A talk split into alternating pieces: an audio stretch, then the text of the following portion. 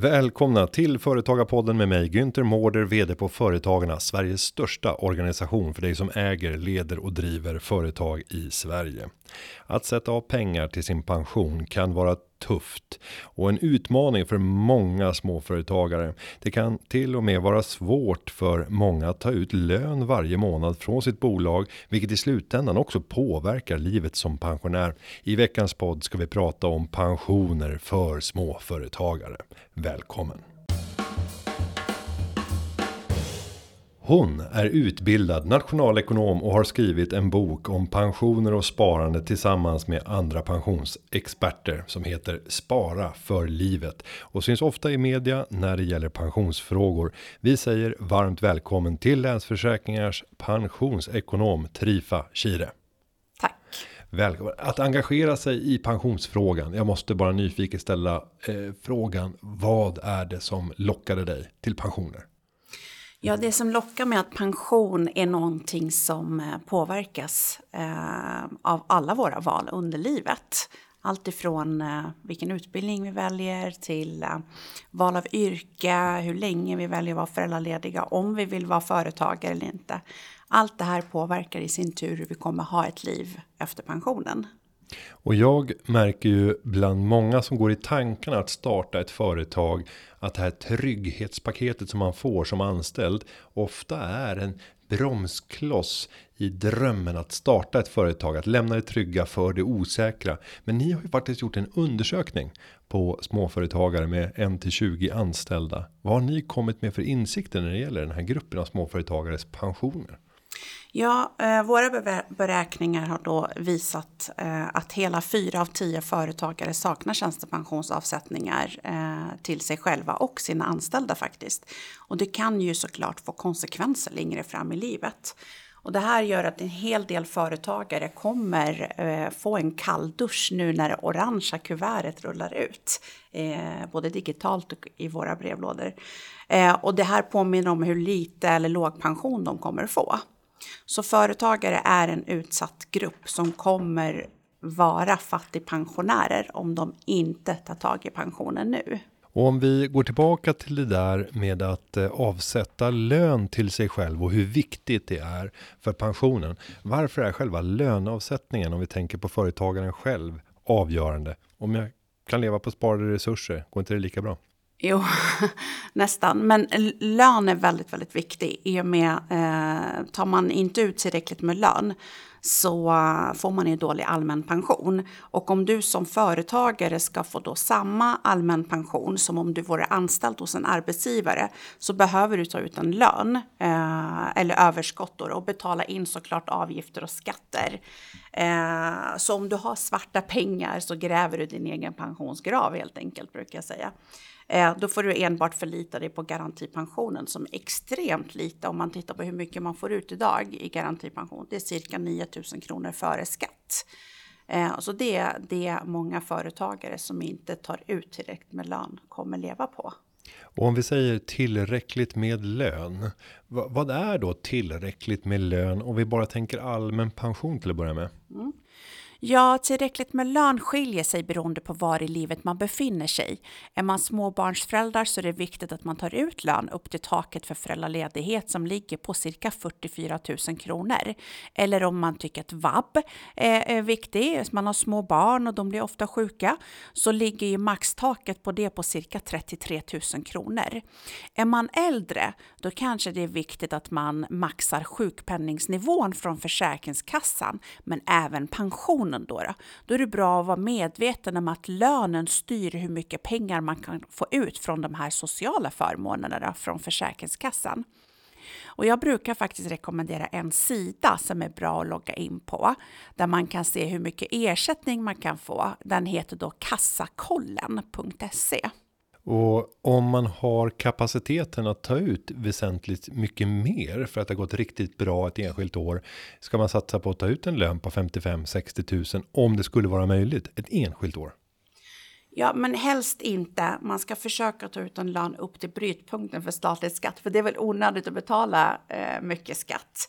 Eh, och sen så löner över det är väl bra att ta ut som en utdelning, alltså med lågskattad utdelning är ju föredra. Mm. Och det bästa är ju att prata med din redovisningskonsult eh, och så kan de säkert göra en genomgång och sen kan man titta på hur mycket ska jag sätta av i pension. För nu har vi inte pratat tjänstepensioner utan bara allmänna pensionen. Mm. För det är ju också ett sånt där instrument som man ska ha med när man tittar på värdeuttaget ur bolaget.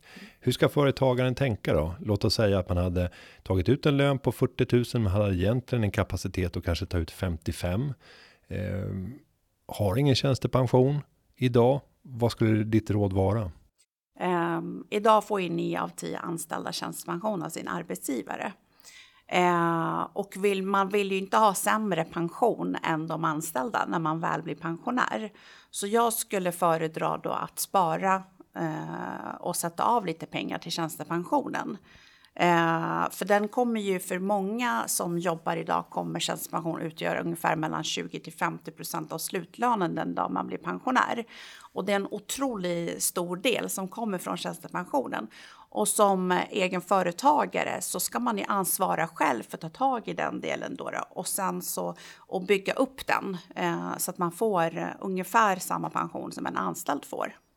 Jag möter en hel del företagare som när man börjar nämna pension så skrattar de lite nervöst och så säger de ah, företaget är min pension. Mm. Eh, vad är ditt besked till de som tänker på det sättet? Ja, det här är ju, jag stöttar också på många sådana som ser sitt företag som pensionsförsäkring. Där de helt enkelt räknar med att sälja företaget den dagen de blir pensionärer och leva på de pengarna. Eh, men problemet är att ofta så värderar man sitt eget företag mycket högre än marknadsvärdet. Eller till exempel, vi märkte ju under pandemin att eh, det var många som eh, ja, men hade räknat med att sälja sitt företag och leva på de pengarna eh, som pensionssparande där de inte lyckades sälja företaget alls. Så att eh, det gäller att ha ett sparande vid sidan om. Det är stor skillnad mellan vad man tror att ens företag är värt och vad marknaden betalar.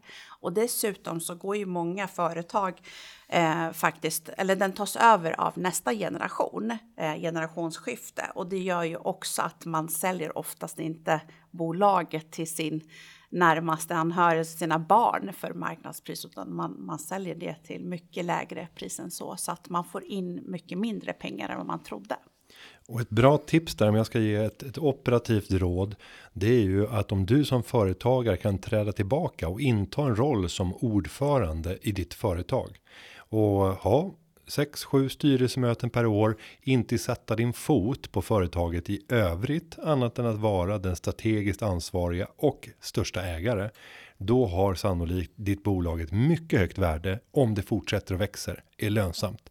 För då betyder det att någon annan kommer kunna sätta sig i ditt ställe men jag ska vara ärlig och säga att det är väldigt få som har kapaciteten att kunna göra det. För hela bolaget är uppbyggt kring dina kompetenser, dina färdigheter, ditt driv. Det är det som skapar det stora värdet. Och då är det tyvärr så att när dina egenskaper och personlighet går i pension så finns det inte så mycket kvar. Men låt oss säga nu att vi har den där företagaren som upptäckte för sent. Man är 50-55 år och har glömt bort att göra avsätta till tjänstepension. Vad finns det för möjligheter att reparera på kort tid? Ja, men det går ju att eh, har man inte utnyttjat avdragsmöjligheten för pensionsavsättningarna fullt ut eh, så finns det möjlighet att köpa i kapp pensionen genom så kallat kompletteringsregel. Men jag ska inte vara så teknisk och gå igenom de här termerna. Men kort sagt så går det att göra. Det finns möjlighet så kontakta en rådgivare som kan hjälpa dig eh, med att komma igång med det. Och nu vet jag att de flesta av våra lyssnare är lite yngre, det vill säga under 40 år. Och då har man lång tid kvar till pension och då har man ju det här magiska ränta på ränta på de investeringar som görs i din pension. Och det är ju svårare att ta igen med kort tid, eller hur? Ja, det är mycket svårare, så det är mycket bättre att komma igång hellre med en liten summa initialt och höja summan allt eftersom verksamheten går bra än att eh, liksom vänta med det längre fram i livet och sen så måste man liksom göra en större avsättning längre fram i livet och så blir det inte den här ränta på ränta effekten som du pratar om. Och om man tittar vidare på en företagare som har anställda eh, jämfört med en soloföretagare, en enmansföretagare. Tycker du att det är några skillnader i hur man bör eh, tänka kring sin egen tjänstepension? Nej, absolut inte. Spara till pension genom att utnyttja avdragsmöjligheten och den är ungefär på 35 procent eh, av inkomsten från näringsverksamheten. Så den är ju väldigt bra att känna till att man har den möjligheten eftersom avdragsmöjligheten för privatpersoner försvann ju 2016. Men den finns ju såklart kvar för alla som saknar eh, tjänstepension och det gäller då eh, alla företagare. Och finns det några skillnader i vilka företagsformer man gynnar? Spelar det någon roll om man har ett aktiebolag eller ett handelsbolag eller en enskild firma? Ja, hur man ska spara till pension, där skiljer det sig lite beroende på om man har aktiebolag eller ett enskilt bolag. Jag tycker oavsett vilken lönenivå man tar ut ur ett aktiebolag så tycker jag att man ska utnyttja avdragsmöjligheten. Den är väldigt bra. Eh, och då är det bra ifall man öppnar ett tjänstepensionspaket eh, som eh, ger då inte bara ett sparande till pensionen utan även en sjukförsäkring som ingår också i den där. Eh, så att den dagen man blir långtidssjukskriven så får man ut lite pengar därifrån. Men när det gäller enskild firma, hur man ska spara, det beror väldigt mycket på hur mycket eh, lön man tar ut. Eh, har man då eh, överskott som är över ungefär 50 000 kronor Eh, då kan man då utnyttja avdragsmöjligheten tycker jag. Eh, och då är det väldigt bra att öppna ett sådant här tjänstepensionspaket som jag pratade om, både med en ålderspension och en sjukförsäkring. Men har man eh, överskott som understiger ungefär 50 000 kronor i månaden, ja då ska man spara med skattade pengar eh, i en kapitalförsäkring eller en ISK-depå, alltså privat och vid sidan. Eh, och sen ska man inte glömma bort att teckna då en privat sjukförsäkring vid sidan då som är ganska viktig. Så att, och varför man gör så, det är för att inte förstöra eh, för eh, de här sociala förmånerna som man får in då, det allmänna pension, sjukpenningsnivån och så vidare. Så därför är det väldigt viktigt som enskild firma att skilja på hur man ska spara. Ni som också har data eh, från väldigt många olika kunder. Kan ni se några skillnader mellan könen? Är det så att män eller kvinnor sparar olika när det kommer till pensionen?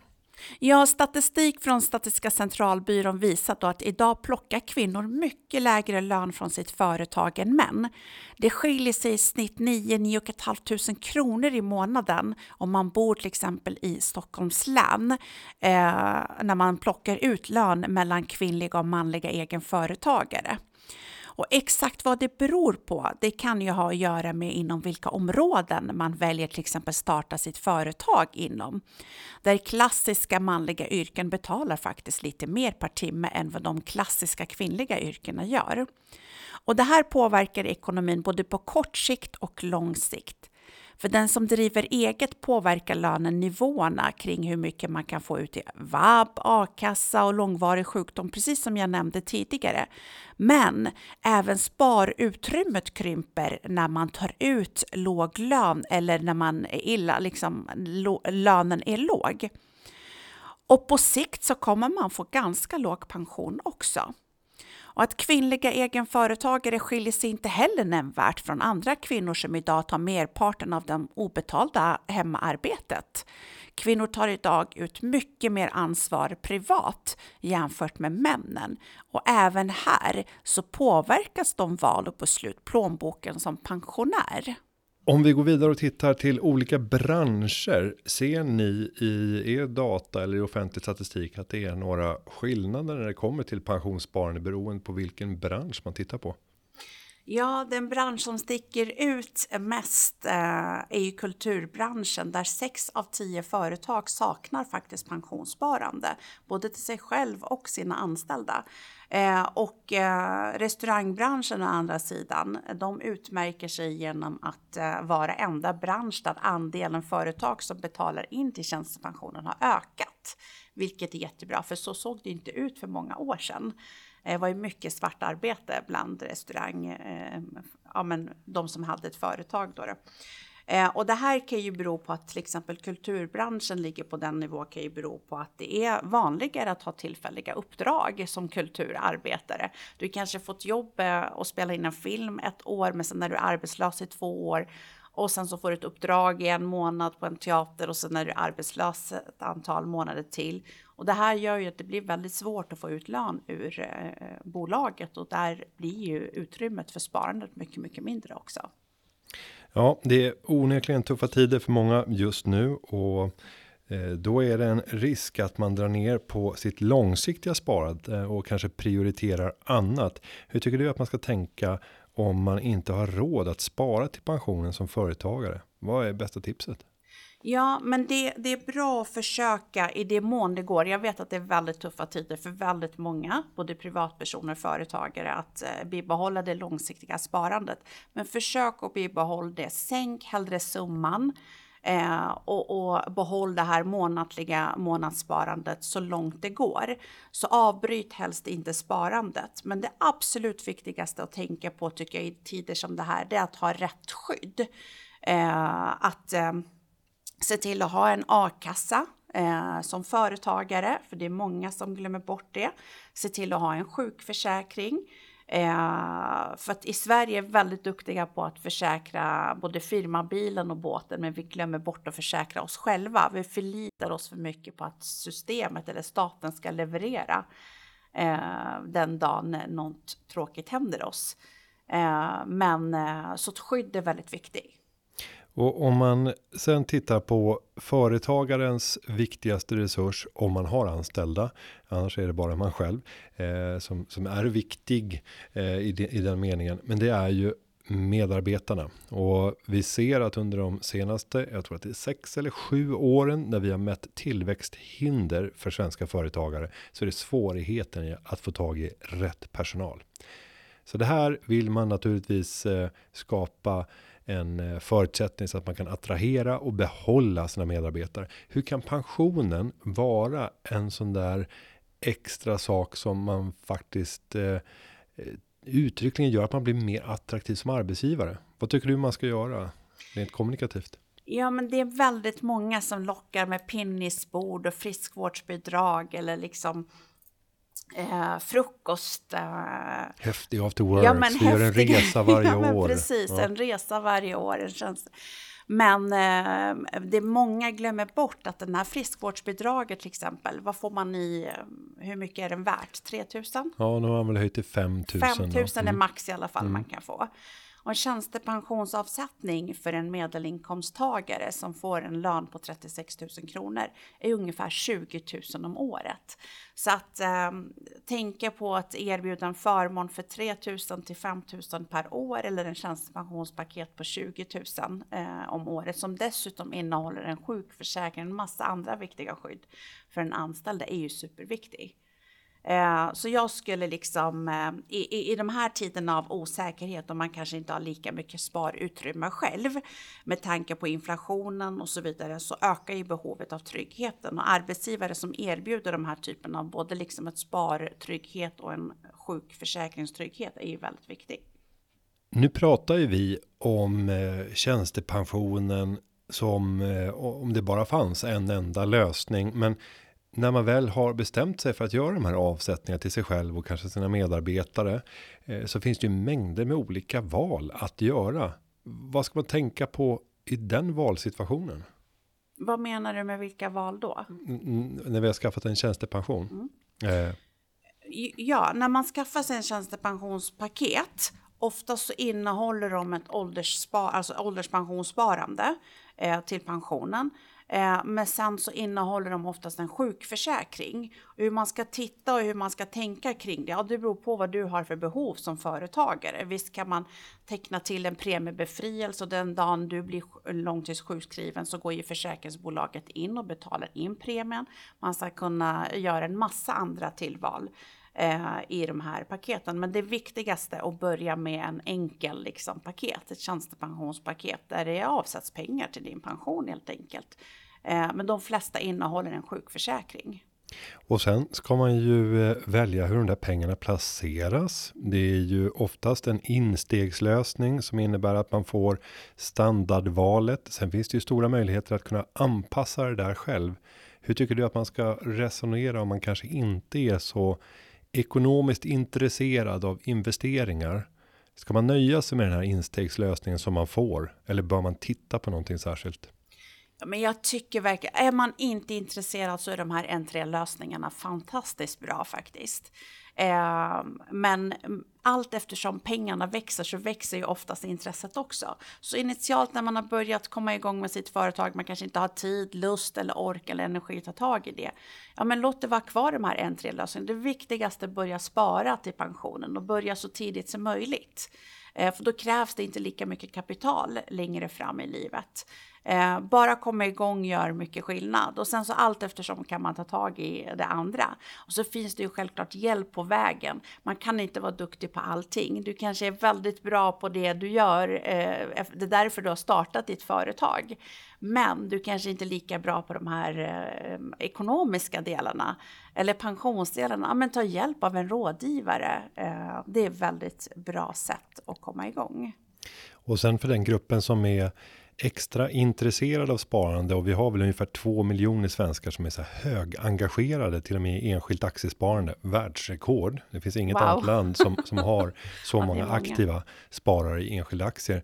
Då är det ju så att du som grundare och vd för verksamheten. Du tillhör ju frikretsen, vilket gör att du får lägga upp vilka lösningar som helst. Du kan ju ha en fondförsäkring där du får köpa enskilda aktier och det där glömmer ju många bort att det finns möjligheter. Jag tar ju mina absolut högsta riskinvesteringar. Det gör jag i tjänstepensionen. Mm. Pengar som jag redan har tagit ut i lön och har färdigskattat. De är jag mycket mer rädd om eftersom jag får i tjänstepensionen ett lån kan man säga, för jag ska betala framtida skatt på de där pengarna. Så hälften av pengarna är bara lånade av staten, räntefritt. Och tänk dig allt det här blir ränta på ränta mm. längre fram. Det blir en magisk, eh, magisk kalkyl. Eh, och det är nog många som skulle höja på ögonbrynet om man säger att de absolut största riskinvesteringarna jag gör, gör jag inom ramen för min tjänstepension. Mm. Men egentligen så är det rationellt. Eh, om, ni tittar på fördelningen hos de som faktiskt väljer att eh, ändra placeringsinriktning. Tycker ni att ni ser att man tar för mycket eller för lite risk givet sin ålder? Jag tycker man tar för lite risk. Mm. Av det vi kan se så tar de flesta lägre risk än vad de borde eh, göra. För de flesta tänker på det här pensionssparandet som ett vanligt, eller de ser det som ett vanligt sparande med ett liksom mm, investeringsmål på 1 till 5 år. Men många tänker inte på att pensionssparande är ju över decennier. Jag menar, du, du sparar under 20-30 års tid, sen ska du ta ut pengarna på 20-30 års tid också. Så att det är under väldigt lång tid och du behöver ta väldigt hög risk för att pengarna inte ska ätas upp av inflationen. Eh, och det är det som är problemet, att många tar lägre risk. Framförallt kvinnor. Där skulle kvinnor behöva vara lite bättre på att ta lite högre risk än män. Så kvinnorna har lägre avsättningar till pension och tar lägre risk. Det innebär ju katastrofala konsekvenser för tjänstepensionen. Ja, men precis. Hur ska vi öka risktagandet då? Det där har jag gjort till en, en käpphäst under min karriär. Ställa sig frågan först. Vad beror det i? Och vad kan vi göra för att minska skillnaderna i inställning till risk? Och det finns ju flera olika dimensioner man kan ta. Men en av dem är mellan könen där det syns uppenbart att det är skillnader i risktagande. Ja, i vår statistik så kan man se att kvinnor tar generellt lägre risk än män för sitt pensionssparande. Och det här gäller i synnerhet åldrarna mellan 30 och 54 år. Och det är viktigt att se att fler kvinnor intresserar sig för placeringar och sätter sig i föräldrasätet. Så att de tar mer plats än vad man har gjort tidigare än att låta sparandet sova på räntefonder. Men det som är bra är att trenden är tydlig. Det finns ett starkt sug efter att lära sig mer om privatekonomi hos framförallt de yngre kvinnorna, men att många kvinnor faktiskt behöver generellt ta högre risk i sitt pensionssparande, det är tydligt. Och det här är för att kvinnor lever längre än män, men har även mindre pengar att leva på som pensionär eftersom kvinnor får idag ungefär 7000 kronor lägre i snitt varje månad i pension än män. Så att, och det här eh, beror till en hel del på att Kvinnodominerande yrken ger ju lägre löner, eh, men framför allt att kvinnor tar också ett större eh, ansvar när det gäller eh, barnen eh, och på hemmaplan. Men kvinnor tar generellt lägre risk än män också för sitt pensionssparande. Och det som är som man får tänka på att risk låter faktiskt som något som du bör undvika, men i sparsammanhang så krävs det att vi ger det här ordet en vidare innebörd. I ett pensionssparande som ofta sträcker sig över några decennier så ska man eh, inte välja trygghet, eh, utan då ska man försöka att ta risk för att inte förlora många tusenlappar. Att undvika risker när det gäller sparande betyder då att man avstår från möjligheten till en bra värdeutveckling. Eh, att ha liksom eh, sina placeringar i en trygg räntefond innebär att man kan förlora ganska mycket pengar varje år. Och med risk för att bli filosofisk, har du gjort några egna privata, så att säga, eller har du några egna privata tankar kopplat till varför ser det ut som det gör? Varför har vi den skillnaden? Vad grundar det sig i? Det borde inte finnas någonting biologiskt. Om vi ska komma till rätta med det så måste vi hitta de olika källorna och börja aktivt bearbeta. Jo, jag tycker att vi ska se över våran utbildningssystem i Sverige. Den könsuppdelade arbetsmarknaden grundar sig i väldigt stor utsträckning i våran utbildningssystem och de val som flickor och pojkar gör inom utbildningssektorn.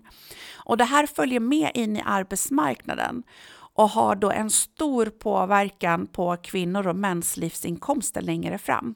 Skolan bör därför i större utsträckning tillhandahålla och ge mer information om de långsiktiga konsekvenserna av studie och yrkesval eh, och hur de här livsinkomsterna och pensionen hänger ihop.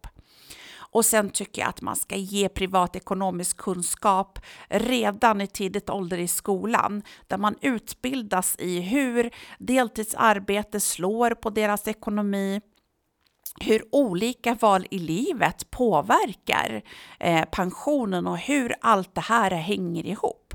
Så att man får göra liksom välgrundande och ta välgrundande beslut och livsval. Och det här är ju ingen fråga som vi här kommer kunna komma med något svar på. Men jag skulle tipsa dig som lyssnar att lyft den här diskussionen kring middagsbordet med några vänner eller bekanta eller släktingar. Det är oerhört spännande att reflektera över och vad man själv kan förändra i sitt eget beteende, sin egen fostran om man har barn eller barnbarn och hur man förhåller sig till människor i sin omgivning. Men att försöka söka svar på hur kan vi radera ut de här skillnaderna? För vi ser ju även i termer av företagsuppstarter där det är mycket vanligare att en man startar ett företag fortfarande än att en kvinna gör. Det är förknippat med risker, eh, men vi skulle behöva tillvarata all den potential som finns i samhället. För jag vill nog hävda att talang är jämnt fördelat mellan könen och då har vi inte råd att eh, ha skevheter i vilka som vågar eller vill göra saker. Ja, sparande handlar om så mycket mer än att spara ihop till en stor säck med pengar inför sin pensionering. Det handlar om att skapa en ekonomisk trygghet oavsett var man är i livet. För det kan ju hända många liksom oförutsedda saker, både för sig själv och sin familj och företaget.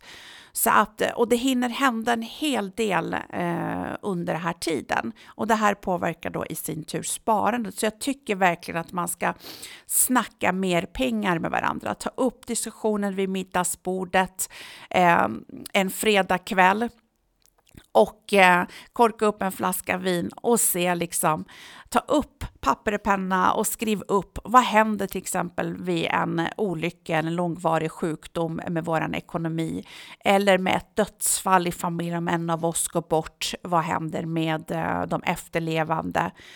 Och sen då sista delen då titta på risken för långlevnad. Vad händer ifall om vi lever länge, vilket är fantastiskt. Men å andra sidan så behöver man ha ekonomi som täcker under de här åren eh, efter pensioneringen. Då, då Så snacka mer pengar med varandra. Det är mitt största råd.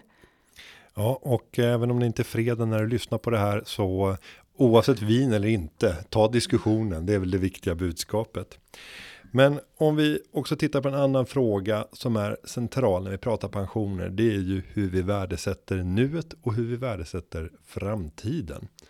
Och det är ju lite grann som uttrycket hellre en, en fågel i handen än tio i skogen. Hur ska man få den mentala styrka som behövs för att värdesätta vår framtid och göra avkall idag. För det innebär ju att ta pengar idag för att få någonting större pension imorgon.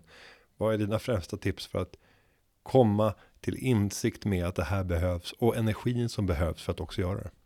Ja, det här eh, eh som du pratar om, eh, det du beskriver kallas ju för diskonteringseffekten.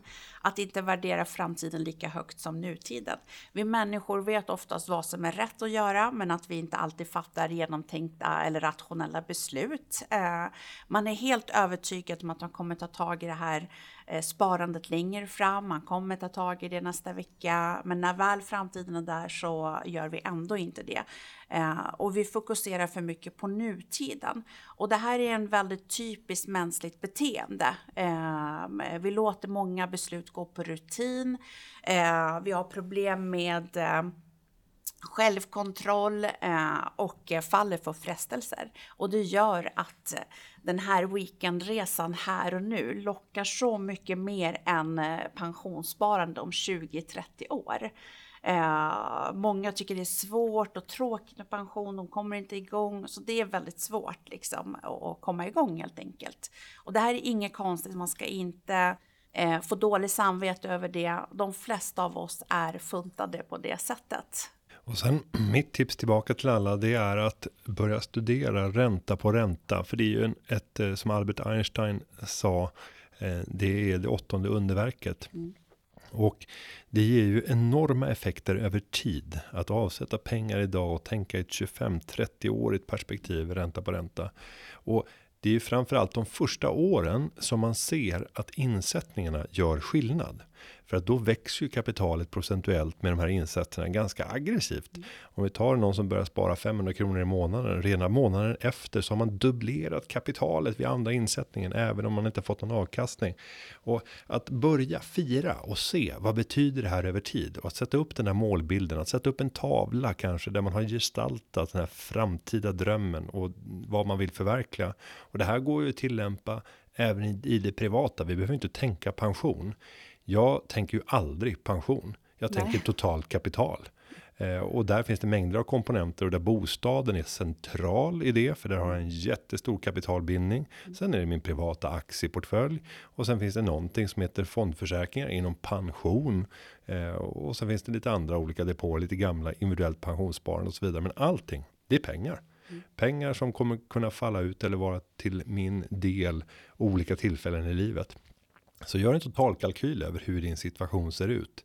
Eh, och sen ska man väl också vara ärlig med, tänker jag, att vi kommer att få se stigande klyftor i samhället till följd av hur bopriserna utvecklas. Nu kan det kännas sorgligt när bopriserna har fallit i stora städer med kanske 15% i vissa lägen 20% och man kan känna sig fattig. Men titta på den långsiktiga trenden. Det har varit en otrolig värdestegring sen tidigt 90-tal fram till idag. Och det där gör ju att alla som har haft föräldrar som har ägt sitt boende. Ja, det kommer finnas så mycket pengar när de avyttrar sitt boende att de kommer aldrig kunna göra av med pengarna. Vilket gör att det är en, en grupp i samhället som har haft föräldrar som har ägt sitt boende där det kommer regna pengar över den här gruppen. Och sen kommer vi ha de som inte har haft föräldrar som har ägt sitt boende och där det inte finns något kapital att föra vidare annat än det sparande som har funnits i i kronor och ören på konton. Eh, hur tänker du kring de här effekterna kring framtida klyftor som kommer skapas på grundval av hur folk har bott? Ja, men det här behöver vi inte titta så långt framåt för att se. Det är bara att titta på nuläget. Mm. Det, det, vi ser ju sådana skillnader redan nu. Eh, de som äger sin bostad ser ju ofta sin bostad som ett pensionssparande. Eh, så att vi ser de klyftorna redan idag faktiskt.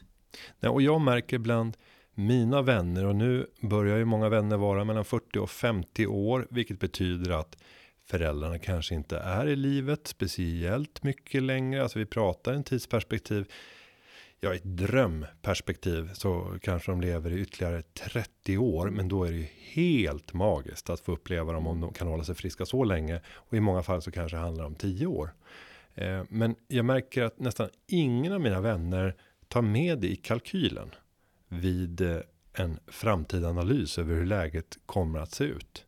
Eh, bör vi ta med eller ska vi inte ta med de där delarna som är kopplade till arv till exempel? Ja, men det är jättebra att du lyfter det, för det tycker jag att man ska göra. Vi i Sverige är allmänt dåliga på att prata pengar eh, med varandra. Jag menar, jag tycker att man ska prata pengar med sina föräldrar. Jag tycker man ska ta tag i sånt redan innan det är för sent. Eh, börja titta på eh, men hur ska man göra med arvet som man ska få? Vad, vad är tanken? Vem ska få vad? Och vad är det som händer Eh, om man ska göra det medan föräldrarna är i liv tycker jag. Det blir mycket bättre diskussioner, det blir mycket lättare att drömma och veta också planera som ung, redan som 40-50-åring. Veta att jag kommer få kanske en miljon lite längre fram eller några miljoner. Då kan man planera på ett helt annat sätt eh, sitt liv efter de pengarna än att vara helt ovetandes och sen plötsligt på dödsbädden veta då att det fanns inga pengar. Mm. Eh, eller att eh, ja, men nu kom det väldigt stor liksom, summa pengar, då vet man inte riktigt hur man ska göra. Så det, det är bra att prata mer pengar med varandra. Mm. Så jag mm. uppmanar svenskar att prata pengar med varandra. Ja, det där är viktigt och det kan ju till och med vara så att i händelse av att det skulle komma ett eh, arv med massa pengar så kan det ju ha varit så att i din tidiga företagarkarriär så har du lyssnat kanske för mycket på våra råd här om att avsätta till pensionen mm. och istället för att göra de här offensiva investeringarna som skulle kunna ha en fullständig eh, fantastisk utveckling för ditt företag om du vågade. Du kanske sa nej till att anställa nästa medarbetare för du såg att det skulle innebära sådana kostnader för företaget att du inte kunde göra avsättningar till pensionen och att förta den typen av potential och så samtidigt så kommer det 10-20 år senare en stor utbetalning som hade kunnat kompensera för alla de pensionsinbetalningar har gjort. Så att det gäller också att balansera den här diskussionen tänker jag så att man inte bara säger att det ska alltid göras utan gör din fullständiga analys mm. för att se hur ser din unika situation ut. Men om vi nu ska försöka knyta ihop säcken och ge en summering av de råden som vi har förmedlat här i podden. Ska vi göra ge oss på ett försök? Jag försöker fylla på om jag hör saker som vi har diskuterat men som inte kommer med i sammanfattningen. Hur skulle du säga? Ja, för det första så tycker jag att det är viktigt att skaffa sig en överblick. Så logga in på minpension.se för att få den här överblicken över din totala pension, både tjänstepension och den allmänna pensionen. Och du kan också göra en pensionsprognos för att se hur mycket fattas det eh, för dig och vad hade du förväntningar och, och jämfört med vad utslaget blir så du kan planera ditt sparande därefter. Mm. Så logga in där. Viktigt tips. Det gör alla nu. Ta fram telefonen som du har bredvid dig. Gå in på minpension.se. Använd BankID. Och där kan du dessutom göra en prognos. Berätta om den. Ja, men du kan ju se där. Eh, du kanske haft anställning innan du startade eget företag och har tjänstepensionen spritt på olika ställen. Där ser du vad du har för tjänstepensioner, hur mycket det rör sig om och vart de finns framför allt. Eh, och sen tycker jag att man ska försöka faktiskt samla pensionerna så gott det går på ett och samma ställe eller hos ett, ett och samma bolag där man har sitt liksom dagliga bankengagemang. För ser man då hur fondsparandet utvecklas och hur det går, då blir man mer intresserad om man ser det lite oftare. Så intresset växer ju med, med beloppet. Eh, ja, men, eh, precis, beloppet. Så ta ut lön också om du kan. Ta ut ordentligt med lön eh, för att det är viktigt för du ska åtminstone ha en bra grund i den allmänna pensionen och täcka upp den här biten. Och kom ihåg att varje år och varje krona räknas och se till att skaffa dig en bra tjänstepension. Så spara minst 4,5 till 6 procent av din inkomst i tjänstepension. Om du inte vet hur mycket du kommer tjäna under det här året så kan du ju vänta med till december till att göra insättningar. Och har du då varierande inkomst så kan det ju vara väldigt fördelaktigt att betala olika mycket varje år. Och kom ihåg nu då att inbetalningarna till din tjänstepension är faktiskt avdragsgillt för dig som driver eget. Upp till 35 procent av inkomsten av din verksamhet kan du göra avdrag för. Se inte utdelning eh, som en första valsalternativ att ta ut lågbeskattat utdelning enbart, utan lön ska ju alltid vara förstahandsvalet och det pensionsgrundande, vilket inte utdelning är. Eh, så ta ut lön upp till brytpunkten och om det ändå finns kvar vinst i bolaget så kan det bli aktuellt med en lågbeskattad utdelning. Eh, och sen så inte se sin, eh, sitt företag som en pensionsförsäkring enbart. Många ser sitt företag som en pensionsförsäkring där de helt enkelt räknar med att sälja företaget och använda pengarna som pensionspengar. Men det slutar inte alltid bra eh, och inte alltid med en solskenshistoria där många värderar sitt företag mer än vad man kan få ut på marknaden. Så här gäller det att kunna omvandla eh, pengarna till ett glas rött vin eller en semesterresa och så vidare. Och det blir svårt om alla pengarna är inlåsta i bolaget. Sist men inte minst ta hjälp av en rådgivare faktiskt om du tycker att det är mycket att hålla reda på. Någonting som vi inte har sagt men som jag tänkte dela med mig som eh, ett nytt inspel. Det är ju för de som befinner sig i slutet av sin karriär. Mm. Att har du kapacitet att bygga upp ett sparande i ditt bolag och sen över, låt oss säga att du går i pension, du kanske är 65 eller 67 år och har lyckats stoppa undan ett betydande kapital som gör att du kan ge dig själv en fortsatt lön, även om verksamheten närmast helt har upphört. Mm. Men du kan ge dig en lön på 15 000 kronor i månaden för de kommande fem åren så innebär ju det fantastiska effekter för det kommer fortfarande rinna in pengar till din pension och eh, det ger också en oerhört låg skatt. Så det är oftast de mest effektiva sätten att plocka ut pengar ur ditt bolag. Det är att under lång tid kunna ta väldigt låg lön från ett bolag som egentligen inte bedriver någon betydande verksamhet överhuvudtaget. Mm. Ja, men det var jättebra tips faktiskt. Eh, och då, för de yngre då? Mm. Eh, jo, då tycker jag att man ska utnyttja avdragsmöjligheten eh, och börja spara till tjänstepensionen om man har ett aktiebolag. Och har man då enskild firma så beror det på hur man ska spara. Eh, beror på hur mycket lön eller överskott man tar ut. Sen har vi ju en pensionsform som vi inte har pratat om under den här sändningen. Det, det riskerar att bli lite tekniskt och det är direktpensionen. Mm. Eh, äger man sitt företag till 100% själv så finns det möjlighet att göra avsättningar till din tjänstepension men där du i framtiden kan ångra dig och göra återtag till verksamheten. Det här kräver att alla ägare är överens och det är därför som jag säger att om du äger ditt företag till 100% så kan det vara intressant. Och det kan ju vara så att då har du under 10 års tid gjort löpande avsättningar till din direktpension och sen plötsligt så föds möjligheten att eh, köpa din främsta konkurrent på orten. Och om du gör det företagsförvärvet så blir ni ensamma om erbjudandet på platsen där ni bor och det skulle ge helt magiska förutsättningar för din verksamhet och så har du inga pengar för du har sparat i pension. Då kan man göra ett återtag av pensionsrätter och därmed få loss pengar till företaget för att kunna göra den här typen av investeringar. Så det skapar flexibilitet för de som kanske är rädda för att tappa möjligheter eller kapacitet. Ja, men helt rätt. Direktpension är väldigt bra på det sättet, väldigt, väldigt flexibelt. Att man kan utnyttja den möjligheten längre fram i livet. Eh, så det är en bra rekommendation. Men det gäller att alla ägare med på notan eller att man är ensam ägare då. Mm. Eh, Jag skulle säga bara, bara, ensam för du vet inte vad som kommer hända den dagen mm. och det är ojämnheter i vilka överföringar man säkert har gjort till direktpensionen mm. mellan ägare och olika ägarprocenter och liknande. Men med det så tycker jag att vi har eh, summerat dagens härliga samtal om pensioner. Så eh, tänk långsiktigt och eh, våga sätta igång med ditt pensionssparande redan idag. Jag vill säga stort tack för att du kom till Företagarpodden. Och vi ska säga att för den som vill ha mer och fler tips om hur man kommer igång med sitt pensionssparande så finns det på företagarna.se. Och glöm inte att du som medlem i Företagarna har förmånliga erbjudanden från Länsförsäkringar när det gäller också pensionstjänster men framförallt försäkringar. Podden den är klippt av Petra Cho och underlaget är förberett av David Hagen. Vi hörs igen nästa vecka. Ha det så bra!